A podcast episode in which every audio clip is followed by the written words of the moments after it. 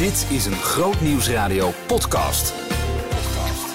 Zorgen voor je ziel. Met Ronald Koops en theoloog Reinier Zonneveld. We houden ervan om goed voor onszelf te zorgen. We doen aan sport, we proberen gezond te eten. Maar hoe zorg je voor je binnenkant, voor je ziel? Daarover gaat het elke vrijdag in de podcast Zorgen voor je ziel. Welkom, leuk dat je luistert. Ook welkom aan mijn vaste gast Renier Sonneveld, schrijver, coach en al dan wat niet meer zij. nou, dat is wel, genoeg hoor. Goed zo. Hey, we gaan het hebben over idealen. Dat is het thema wat we vanochtend bespreken in deze podcast. Want ja, wat zijn idealen? Wat gaat er vaak mis? Hoe kun je op een gezonde manier met idealen omgaan? En moet je radicaal zijn als christen? Jou hoort dat, ik heb er al heel veel vragen over, Renier. Ja. we beginnen even bij het begin. Wat zijn idealen? Nou, globaal gaat het gewoon over ideeën, over hoe je denkt dat de wereld zou moeten zijn. Dat zijn idealen. Gewoon plaatjes, ideeën, gedachtegangen over wat je met de situatie zou willen, hoe de dingen beter kunnen. Ja, ben jij zelf een beetje een idealist? Ja, ik, ik, ja. dus ik, waarom ik het er graag over wil hebben, is dat ik me, inderdaad mezelf zie als idealist en tegelijk er bij mezelf en bij anderen heel veel mis in zien gaan. Dus veel problemen uh, zijn te herleiden, die mensen ervaren, zijn volgens mij te herleiden tot een ongezonde vorm van idealisme. Oh ja, nou gaan we het zo over hebben. Ongezonde vorm van idealisme. Ik, ik ben wel benieuwd, hoe ben je een idealist geworden? Was je als kind ook al idealist dat je iets heel belangrijk vond? Of? nou ja, ja, ik kom uit een idealistisch nest, zou ik zeggen. Dus, eh, okay. eh, dus mijn, mijn, vader was veel, wat dan in die tijd was het rapport van Rome, was hij veel mee bezig. Dus ik ben heel milieubewust opgegroeid. Oké heb daar ook als tiener heel veel mee gedaan. Dus ik heb op school met een aantal anderen een milieuclub opgericht. En dan gingen we echt... Ja, nee, echt serieus. Sorry dat ik lach. Ja, dat is niet aardig. nee, maar het was een ding. Want we hebben echt, echt dingen veranderen, weten te veranderen op die school, zeg maar. Dus de, de, vervolgens gingen kringlooppapier gingen we voortaan gebruiken. Het papier werd recycled. Er zijn een heel aantal dingen echt veranderd op school. Wat we als, als clubje dan voor elkaar kregen. En het is inderdaad heel nerdy en werk voor. Ik schreef dan echt stukjes in het... In, het, uh, in, het, uh, in de schoolkrant. oh, toen was je ook al schrijven natuurlijk. Ja, ja, ja. En zo ben ik begonnen aan schrijven. Met dingen roeptoeteren over het milieu. Ja. Over zure regen die we toen hadden. Ja, ja, dat weet ik ook nog. En die beelden die dan zo vaag werden en zo. En dat kon allemaal niet. En zo. Ja. Ja, Dus dat, dat uh, overigens is dat, eh, als het gaat over zure regen, is dat een van de goede kanten van idealisme. Hè? Want, want we hebben geen zure regen meer. waarom heb je al twintig jaar er niet meer over gehoord? Nou, omdat het gelukt is. Ja. We hebben geen zure regen meer. De idealist in jou vindt dit fantastisch natuurlijk. fantastisch. Ja, ja. Um, maar het gaat ook wel eens fout met idealen. Waar ligt die grens dat je zegt, nou, nu, nu ben je te idealistisch of wat dan ook? Ja, ik, ik, ik vind het lastig om echt een omslagpunt te noemen. Dus ik, ik zou zeggen, idealen, weet je, we kunnen niet zonder. We worden, zo, we worden als het ware zo geboren. Kinderen willen iets, willen meer, willen, willen groeien. Willen, weet je, kinderen zijn idealisten bij geboorte. Weet je, ze, ze, willen, ze willen van alles, zeg maar. En dat, en dat is eigenlijk gewoon het begin van idealisme. Uh, en ik heb er, nou, nou, laat ik een voorbeeld geven wat ik er bij mezelf op een gegeven moment in zag misgaan. Als, als student ging ik op een gegeven moment, uh, dacht ik van, wat, ging, was ik dus heel erg met milieu bezig. En dacht ik van, oh ja, als ik dan een lift gebruik, dan, dan uh, dat kost dan stroom. Dus dat, en dat is een groot probleem. Dus ik ging altijd maar met de, met de trap. Nou ja, op een gegeven moment, ja, en, ja, en dan en dat levert ook altijd schuldgevoelens op. Want eh, eh, weet je, als ik, als ik dan eens een keer wat anders deed. Of als ik eens een keer iets niet deed wat dan heel milieuvriendelijk was. Of, en soms kom je ook echt in, in hele irritante dilemma's. Want je, ik wilde dan geen vlees eten, maar dan ging ik soja eten. En één, dat is gewoon, was zeker in, in die tijd gewoon echt niet lekker. Niet lekker. En, dat, is echt, ja. dat is echt een dilemma. Ik vond het ook echt niet lekker. Ik moest het, ik moest het van mezelf mijn gasten voorzetten. Die vonden het niet lekker. En vervolgens ontdek je ook nog dat soja, eh, dat die plantage je allerlei andere negatieve milieugevolgen hebben. Nou ja, dan word je helemaal gek natuurlijk als idealist. Dus ik liep heel simpel gezegd tegen de werkelijkheid aan als idealist. Hmm. En ik heb op allerlei manieren gemerkt, ik, ik kan er veel voorbeelden bij geven, en dat, dat wil ik ook wel graag doen, dat er een soort dynamiek zit, een balans zit tussen idealisme en realisme. Oké, idealisme aan de ene kant en realisme aan de andere kant. Leg eens uit. Nou ja, ja, je hebt de grote dromen over deze werkelijkheid, maar je hebt ook gewoon de beperkingen en je hebt ook te dealen met de situatie zoals die is. En voor een deel is het heel verstandig om ook maar heel veel te gaan accepteren zoals het is. Omdat die voortdurende opschudden zeg maar, van, de, van, van de realiteit gaat in veel gevallen meer kapot maken dan helen. Um, nou, eh, om een voorbeeld te geven wat ik echt veel zie misgaan, uh, onder christenen in elk geval, is eh, eh, bijvoorbeeld gemeentestichters of zendelingen of predikanten en dan voor christelijke leidertypes die, die veel willen. Ja. Uh, ik heb nou gerust al wel 10, 20 kinderen van die leiders gesproken die, die verwaarloosd werden in de ja. jeugd. Want ja, pa die was altijd bezig maar met de Heer. En met de kerk. En, en met de kerk. En, ja, ja, en, met allemaal zielige mensen in die kerk. Die zat, die zat de hele wereld te redden, behalve zijn eigen gezin. Ja, dat is zuur, ja. En dat is veel zuur. En dat, en dat heb ik te vaak nu zien gebeuren. Zeg maar hoe komt het dan? Want niemand wil dat toch? Niemand gaat zeggen, nou, ik ga bewust mijn gezin om zeep helpen in, met verwaarlozing. Nee, nee. Dus sluit dat erin of zo? Of? Dan maken we dus keuzes. En dan maken we de, hebben we dus keuzes in gemaakt. En waarvan we dus voor een deel hebben die leiders het gevoel dat het geen keuze is. Hè? Dus ja, de gemeente roept. Ja. Dus dan is het zogenaamd geen keuze. Dan moet het gebeuren, want het koninkrijk, de gemeente, de, de kerk of wat dan ook roept. En dan moet het gebeuren. En dan maar er speelt ook wel, er speelt ook wel allerlei psychologie mee. Dus, dus ik denk dat veel leiders, veel idealisten het gevoel hebben dat ze geen keuze hebben. Maar er speelt ook mee dat mijn indruk is dat veel idealisme, idealisten worden gedreven door een schuldgevoel. Dus een gevoel zelf tekort te schieten. En dan dat aan het compenseren zijn met enorm hard bezig zijn voor de Heer. Of iets wat er nou voor objectief dan goed ja. is. En dus misschien ook wel gevangen zitten in wat andere mensen kunnen denken. Want je bent tenslotte dominee, dus zeker. Dus het speelde dominees, veel bij zendelingen ook. Ik, veel zendelingskinderen die daar op stuk lopen. Veel, veel huwelijken eh, die, die ook gewoon niet lekker functioneren. Die, die worden... Weet je, dan zit je prachtige gemeente te stichten, maar je, maar je eigen vrouw of je eigen partner of je eigen man ja, negeer je of, laat je, of dat huwelijk laat je liggen. Dus dat, is, dat vind ik echt. Eh, nou, dat is een. Dat is, nou om het epidemisch te noemen, is wat, eh, is, is wat sterk gezegd. Maar, het komt het te vaak voor. Veel, het gebeurt echt veel. Ja. Ben jij door de loop van de jaren zelf ook minder idealistisch geworden? Of zijn of ehm. kun je zeggen dat bijvoorbeeld de scherpe randjes er wat zijn afgegaan? Of ja, ik denk het wel. Dus ik, ik denk wat er vooral is gebeurd, is dat ik steeds meer zie dat als je bepaalde idealen hebt, dat je dan andere dingen altijd laat liggen. Dus dat... Het is altijd maar een klein stukje focus wat je zeg maar belangrijk vindt. Exact, ja, dat, het kan niet anders. Weet je, als je je tijd aan de ene besteedt, besteed je dus niet aan de ander. Als je tijd aan de kerk besteedt, besteed je het niet aan je vrouw en je kinderen. Om het heel, om het heel plat uh, te slaan. Als, ik, als ik naar mijn oma ga, omdat ik haar vreselijk belangrijk vind, ben ik dus niet bij een vriend of bij een zoontje. Of andersom, als ik ergens een preek hou, ben ik dus niet bij mijn oma. En dit, dit klinkt super plat en helder, maar dat, dat is wat er heel vaak misgaat. En dat is wat ik zelf heb gezien. Ja, als ik met milieu bezig ben, laat ik dus tig andere dingen liggen. Hmm. En dat, daar zit ook wel voor een deel echt ergernis. Dus wat ik merk is dat, ja, er zijn allerlei activisten, alle idealisten die heel veel grote dingen roepen. We moeten meer dit, we moeten meer dat. En de kerk laat dit liggen. En, en verschrikkelijk dat we dat niet doen. Alleen het ingewikkelde is dat die activisten en idealisten ook ook zelf 10.000 dingen laten liggen. Weer andere dingen, inderdaad. tuurlijk, eh, eh, prima dat ze zich enorm voor de vluchtelingen inzetten of voor het milieu of voor weet ik wat. Maar ik kan altijd honderd dingen noemen die zij weer laten liggen. Plus, uh, wat je ook volgens mij ziet, is dat activisten of idealisten uh, vinden dat iedereen dan zo moet denken of doen. Exact. Een soort van, ja, wat is dat, activisme inderdaad? Of hoe zou je dat nou, noemen? Ja, dat denk ik wel. Dus ze zetten heel vaak de dingen ook op scherp. Hè. Op het moment dat je niet meedoet, dan is dat, eh, nou ja, dat, dat wordt heel hoog gespeeld, zeg maar. Dus op niet actief meedoen is tegenwerken. Hoezo was je niet op het Malieveld? Dat een beetje. Nou ja, exact. Weet je, nou ja, Het speelt rondom corona natuurlijk ook op allerlei manieren. We hebben online zien we daar allerlei vormen van activisme, maar ook op het Malieveld. Het speelt op allerlei manieren dat, dat, dat activisten dingen op scherp zetten. En wat ze daarmee bijvoorbeeld vergeten is, ja, er is een tijd van ploegen, om het zo maar te zeggen. Maar er is ook een tijd van groeien, waarin je het land gewoon moet laten. Ah, er is een tijd loslaten dus. Loslaten. Loslaten. Ah, er is een tijd van opschudden, van gemeenschappen of dingen opschudden. Maar je kunt niet, weet je, er is ook een tijd van het laten gebeuren en het, en het dingen laten groeien. En activisten zijn eigenlijk voortdurend het hele het trage werk, zou ik maar zeggen. Dus de, trage banden die in gemeenschappen worden opgebouwd. De, de, het, ja, al die kleine dingetjes waar gemeenschappen uit eh, ontstaan en langzamerhand in groeien. En de patronen die daar ontstaan. Zitten activisten eigenlijk voortdurend op te schudden. En daarmee maken ze ook heel veel kapot. En ja, ik snap dat dingen zo nu dan worden opgeschud.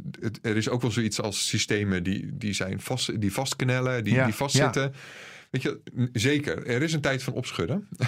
er is een tijd van ploegen, maar er is ook een tijd van groeien en laten liggen. En, en dus loslaten. En dat zie je volgens mij ook vaak misgaan. Dat bijvoorbeeld een, een leider heeft een bediening opgebouwd maar kan het vervolgens niet loslaten. Zeker. En de nieuwe leider, die moet zich voegen naar hem of haar. Dat, dat zie je ook vaak problemen in. Dat je zegt, doe nou eens een stapje terug. En ja, de nieuwe leider doet het anders, maar Laat het los, weet je wel. Zeker, nou zeker. Nou, zeker. Dit, dit, zie je typisch heel veel, inderdaad. En, want je, je noemde het al, activisten die, die vinden dat iedereen hun passie moet hebben.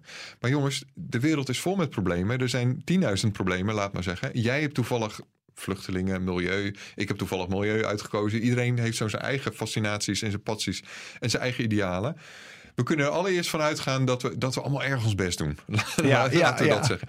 En daar ga ik, laten we daar maar eerst eens van uitgaan. Dat Ja. we, ja, er zijn zoiets als lamzakken, er zijn luie mensen. Maar de meeste mensen die ik spreek hebben, hebben, zijn keihard bezig. Zijn keihard aan het werk en hebben grote idealen en zijn er hard voor bezig. Dus dat, ja, Maar ja, aan de andere kant, eh, het tegenovergestelde van idealisme is toch een beetje een soort van apathische houding. Van ja, het kan me niks schelen, ik kan er toch niks aan doen, laat mij maar. ja zeker. Je ziet toch ook wel, eh, nou, dat, dat, dat we misschien als christen, we mogen toch wel een tikkeltje radicaal zijn, weet je wel.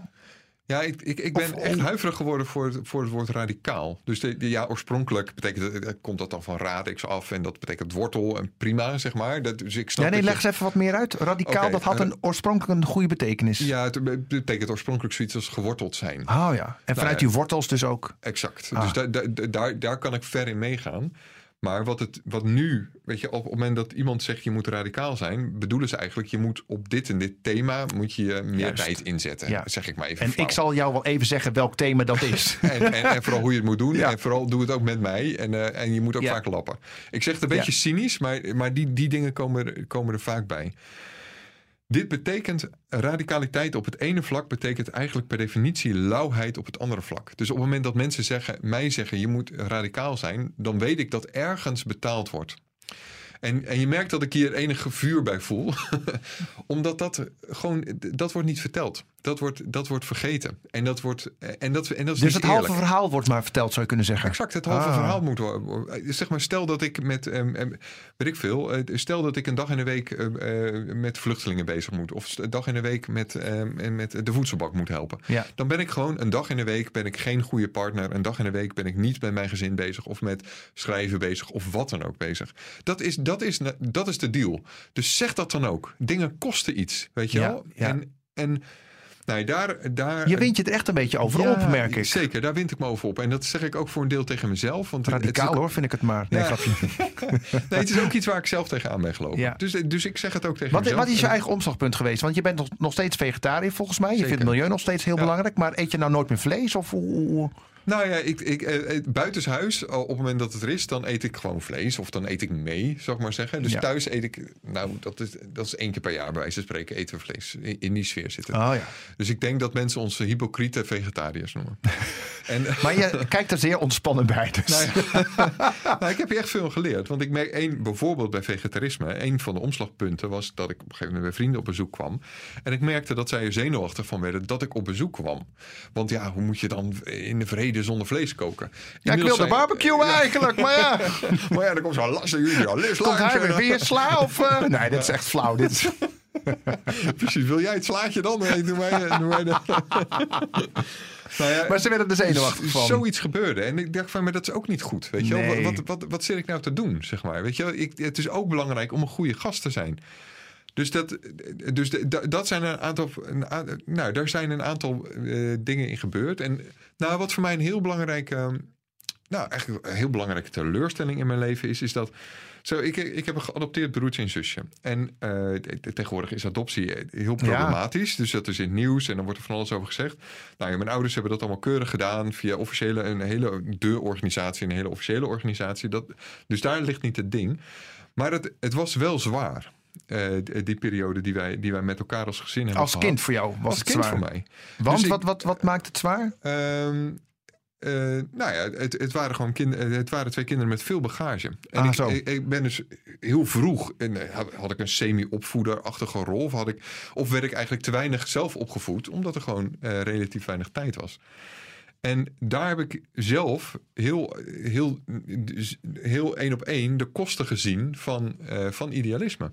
Want het was idealisme. Mijn ouders wilden twee kinderen eh, het leven redden. En dat hebben ze gedaan. Hè? Dus, dat, dus ik snap dat dat big deal is. Ja. En je zegt eigenlijk ging het wel een klein beetje ten koste van jouzelf bijvoorbeeld. Nou, niet een klein beetje. Het is, het is echt wel ten koste van mij en mijn, en mijn biologische broertje gegaan. En daar heb ik op dit moment geen vrevel. Dus daar heb, ik, daar heb ik geen vrevel over. Dat is uitgepraat met mijn ouders. En dat is, Hoe zit ze? Dat oké. ben ik inter- ja, je hoeft niet te persoonlijk te worden, Ja. maar ik ben wel benieuwd. Ja. Dat was inderdaad misschien idealisme. Hoe, Ja. hoe kijken ze daar nu op terug of zo dan?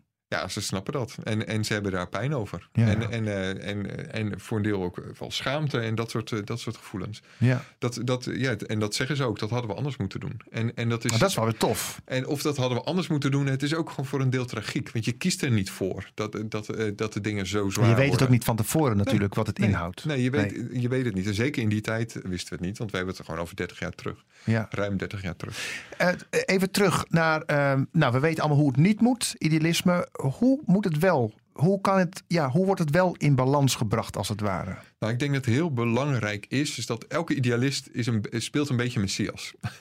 en als christen heb je dan een heel aardige bron om, om, daar, om dat te corrigeren, zou ik maar zeggen. Omdat je weet dat jij de Messias dus niet bent.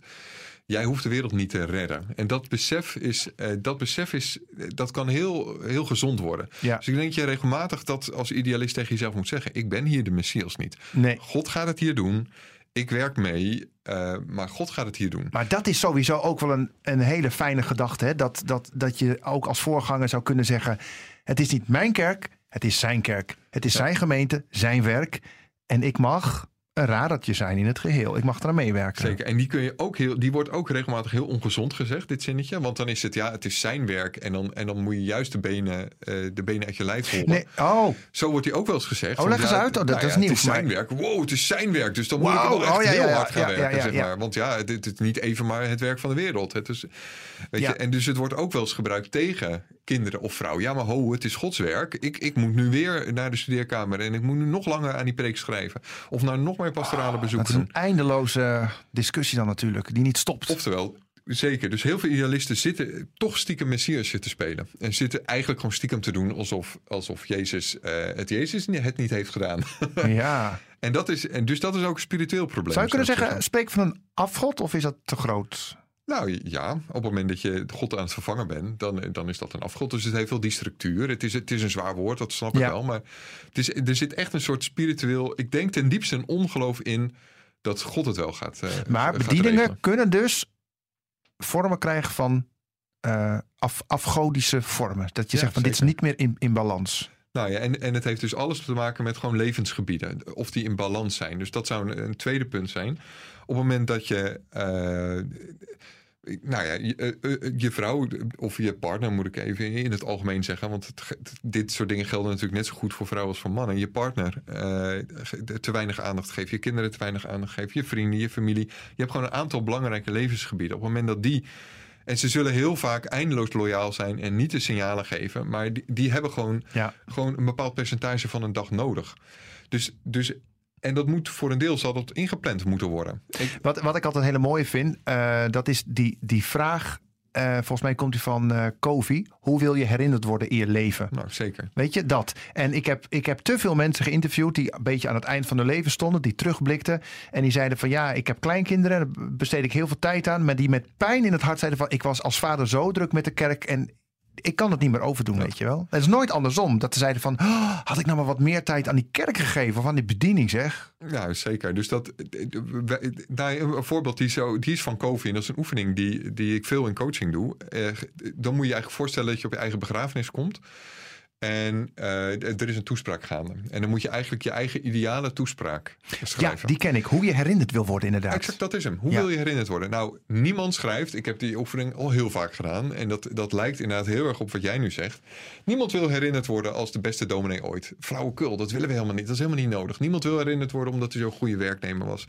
Vinden we helemaal niet nodig. Iedereen schrijft dan op. Ik, eh, hij was een goede vader. Hij was een goede moeder. Hij was een goede vriend. Hij was een trouwe vriend. Eh, het was een hele lieve echtgenoot. Enzovoort, enzovoort. Ja. Dat schrijven we dan op. En hoeveel tijd besteden we voor prompt per dag eh, aan, aan onze partner? We, we spreken onze partner een kwartier per dag gemiddeld, geloof ik. ja, ja. Nou, het is van de zotte natuurlijk. ja. Het is van de Alleen zotte. maar bezig met dat, met dat werk inderdaad. Ja, nou ja, dat, dus daar zit echt iets. En wat ik dus heel, wat ik heel mooi vind, is het, het Oude Testament heeft de regel van de tiende. Dus dat is, eh, de regel is, besteed 10% van je inkomen, besteed dat aan eh, een goed doel, om, om het maar heel globaal te zeggen. Nou, dat is eh, je kunt dat letterlijk doen. Zo, zo, doe ik dat ook. Dus op, aan het einde van het jaar gewoon 10% van alles wat ik dat jaar, van wat ik dat jaar verdiend heb. Hup, gaat naar een goed doel.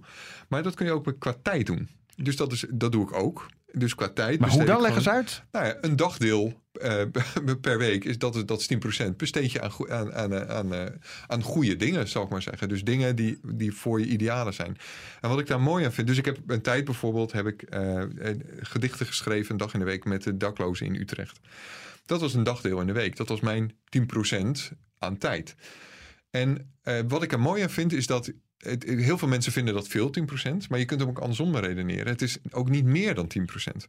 En dat houdt het behapbaar. Ah, Het is niet dat ik 15% of 20 of 50% van mijn inkomen weg moet geven. Of 50% van mijn tijd aan goede, goede dingen moet geven. Het is ook maar weer maar 10%. Ja, en, dat dus 90% voor andere dingen. voor andere dingen. Ja. Voor mijn werk, voor mijn gezin, enzovoort, enzovoort. Dus het heeft iets heel gezonds om je- dagen te gaan indelen in percentages, zou ik zeggen. Zodat je vrouw, je partner, je kinderen niet het, het, het, de de sluitpost zijn van de balans. Maar doe je dit dan ook met je gezin bijvoorbeeld? Dat je zegt van, eh, lie- lieve schat, 7% is voor jou vandaag. nou oké, 7,5 dan, vooruit. Ja. Ehm, nou ja, ja, dus regelmatig. Ja. Dus we delen de, de, de tijd die we met onze zoon hebben, delen we gewoon eh, helder in. We, we plannen gewoon avonden samen, die, die hoe dan ook vrij zijn, zeg maar. Allemaal dat soort dingen. En dat, en dat doen we regelmatig. Dus dat is niet een avondje in de week, maar dat zijn gewoon een paar avonden in de week, zijn vrij, die zijn voor ons. En eh, dus, dus hele dagdelen. Ja. Super. Ik wil even terug naar het begin. Jij zei dat je mensen in coaching had met vaders Zeker. die voorganger waren. Ja.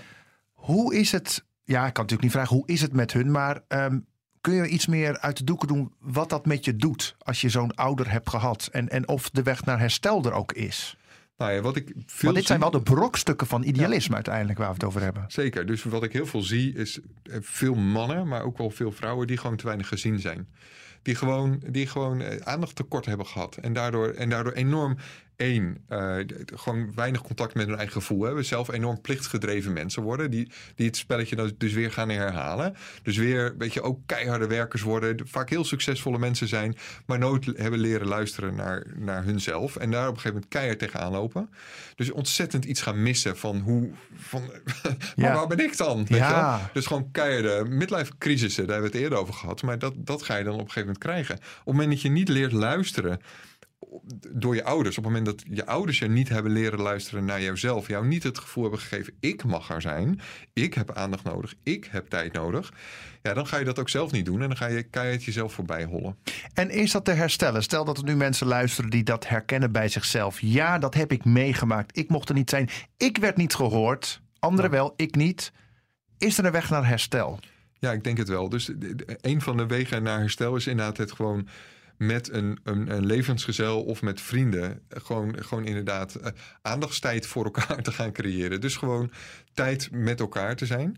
Ik denk dat het één vorm is. In de vorige podcast hebben we het gehad over meditatie. Dus dat, dat is ook een vorm van, ja, dat is met God verwijlen of met God verblijven in de zin dat je aandacht besteedt aan, of nou ja, dat je, dat je er bent. Er moet op dat moment niks. Je laat God op je inwerken. Je luistert naar God. Ja, ja, En ja. God is een, is, heeft de volle aandacht voor jou, om het zo maar te zeggen. Dus je wordt gezien. Je wordt gezien. je wordt gezien op dat moment. En dat ervaar je. Want God is hier en nu aanwezig. En, en, en, en, en, en je beweegt in hem. Ehm, dat is het. Dus het is ook misschien meer, minder spirituele me-time. Maar dan gaat het in de, in de sfeer van lekker voor jezelf koken. eh, le- le- muziek voor jezelf eh, gaan draaien. Stil zijn. ehm, En even in relatie met de ander. Je hebt, jij zegt van eh, een, sowieso één of twee avonden per week is voor jouw vrouw, samen met je vrouw. Ja. Heb je dan ook gesprekken met elkaar meteen? Of is het gewoon een ontspannen iets doen met elkaar, lekker eten of muziek luisteren? Hoe moet ik dat voorstellen?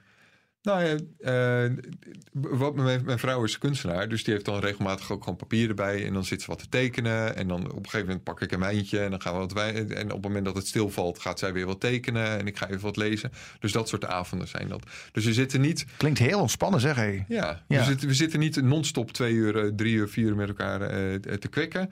maakt de eh, notulen? Dat kan, ja precies. Wie maakt en soms Vorige actiepunt. Ja. Soms trouwens wel. Dan hebben we gewoon letterlijk gewoon. het, het klinkt een beetje truttig, maar dan hebben we gewoon een boekje met vragen. En dan gaan we dat gewoon doen. En, en dat is, ik vind het eigenlijk best lekker.